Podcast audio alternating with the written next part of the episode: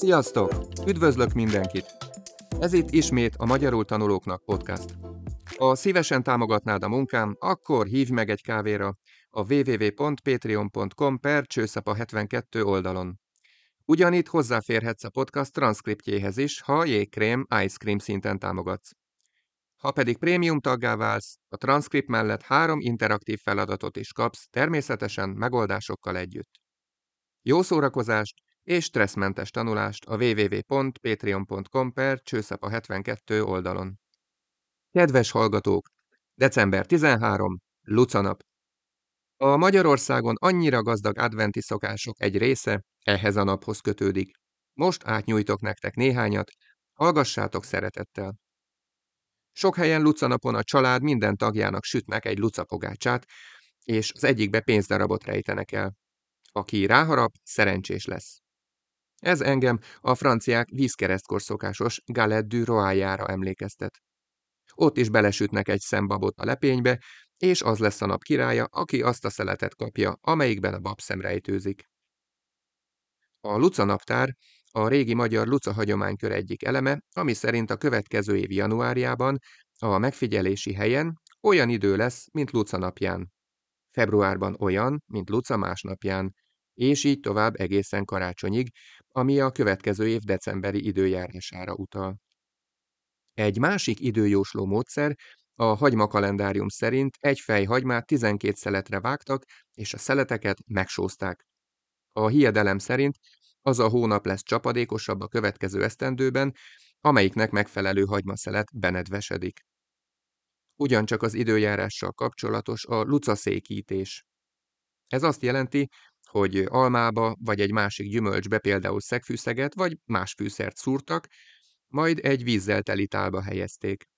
Az elkövetkező hónapok időjárását az alma színváltozása és a fűszerdarabok leesése alapján próbálták megjósolni. A lucaszék készítése szintén a lucanapi szokások egyike. A széknek olyan erősnek kellett lennie, hogy egy férfi súlyát megtartsa. Ezen a napon kezdték el készíteni a lucaszékét, amelynek aztán karácsonyra kellett késznek lennie. A kilencféle fából faragott tökény, boróka, jávor, törte, som, jegenyefenyő, akác, cser és rózsafa, három, négy, hat vagy akár tizenhárom lábú székben egy szög sem lehetett, és tizenhárom darabból tizenhárom nap alatt kellett összeállítani. A hosszú munka miatt terjedt el az a szólás is, hogy valami olyan lassan készül, mint a lucaszéke. December 25-én az éjféli misére a mesterek, rendszerint fiatalemberek, a kabátjuk alá rejtve vitték be a templomba a széket, majd ráállva megláthatták, hogy ki a boszorkány. A boszorkányok ugyanis ilyenkor szarvakat hordtak, és emiatt a templomkapun belépve a fejüket le kellett hajtaniuk. A Luca székén állva éjfékor viszont felismerték őket. Ezután a fiatal embereknek el kellett menekülniük, nehogy a boszorkák elkapják őket. A menekülők a zsebükben mákot vittek, hogy menekülés közben elszórhassák azt. A boszorkányoknak a mákszemeket fel kellett szedegetniük, és így nem tudták elkapni a fiúkat. A Luca székét aztán otthon tűzbe dobták. Ezután a kulcsjukba fokhagymát helyeztek, és egy kést a bal ajtó félfába vágtak, a söprűt pedig keresztbe állították, hogy minden romlástól védve legyen a ház. Hát itt azért elég sok babonás dolgot figyelhetünk meg, sőt néhány szokás a vámpírok elleni védekezésből is ismerős lehet. A következő év termését próbálták megjósolni a Luca búza keltetéssel.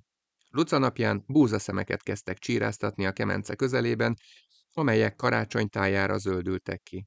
Ezeket a kis zöldelő edényeket a karácsonyfa alá tették. Néhány vidéken a lucanapi szokások közé tartozik a betlehemezés is, amikor fiatal lányok és fiúk betlehemet játszanak. Ezt a hagyományt általában énekek és játékok kísérik. A betlehemező gyerekek pap vagy más felnőtt kíséretében jártak házról házra, és előadták kis betlehemi műsorukat. Általában a gyerekek is pásztornak öltöztek be, így ezzel is imitálták Jézus születését, ahogy az a Bibliában szerepel. Végül nézzük csak meg, hogy ki is volt az a Szent Lúcia, vagy Szent Lúcia. A hagyomány szerint a harmadik században élt Szicíliában. A gazdag családból származó keresztény lány szüzességi fogadalmat tett Krisztusnak, vagyonát szétosztotta a szegények között, és inkább a vértanú halált választotta, mint hogy férjhez menjen egy pogány férfihoz.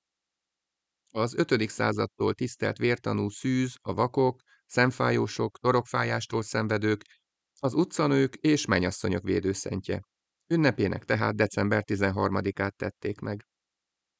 Ez a nap egészen 1582-ig a Gergely naptár életbelépéséig az év legrövidebb napja, a téli napforduló ünnepe volt.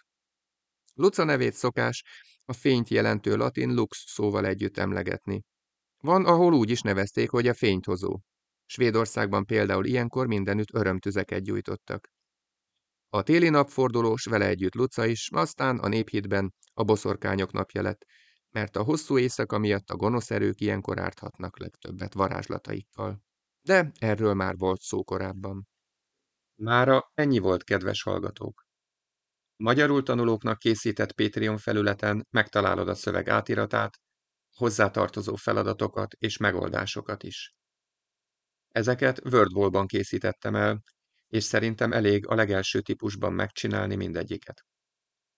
Az oldal felajánlja ugyanazt a feladatot, még vagy négy formában, de ezek tartalmilag mind ugyanazok lesznek. Ha kérdésed van, írd meg nyugodtan, és válaszolok. Ha teheted, kérlek támogasd a munkámat. Viszont hallásra! Sziasztok!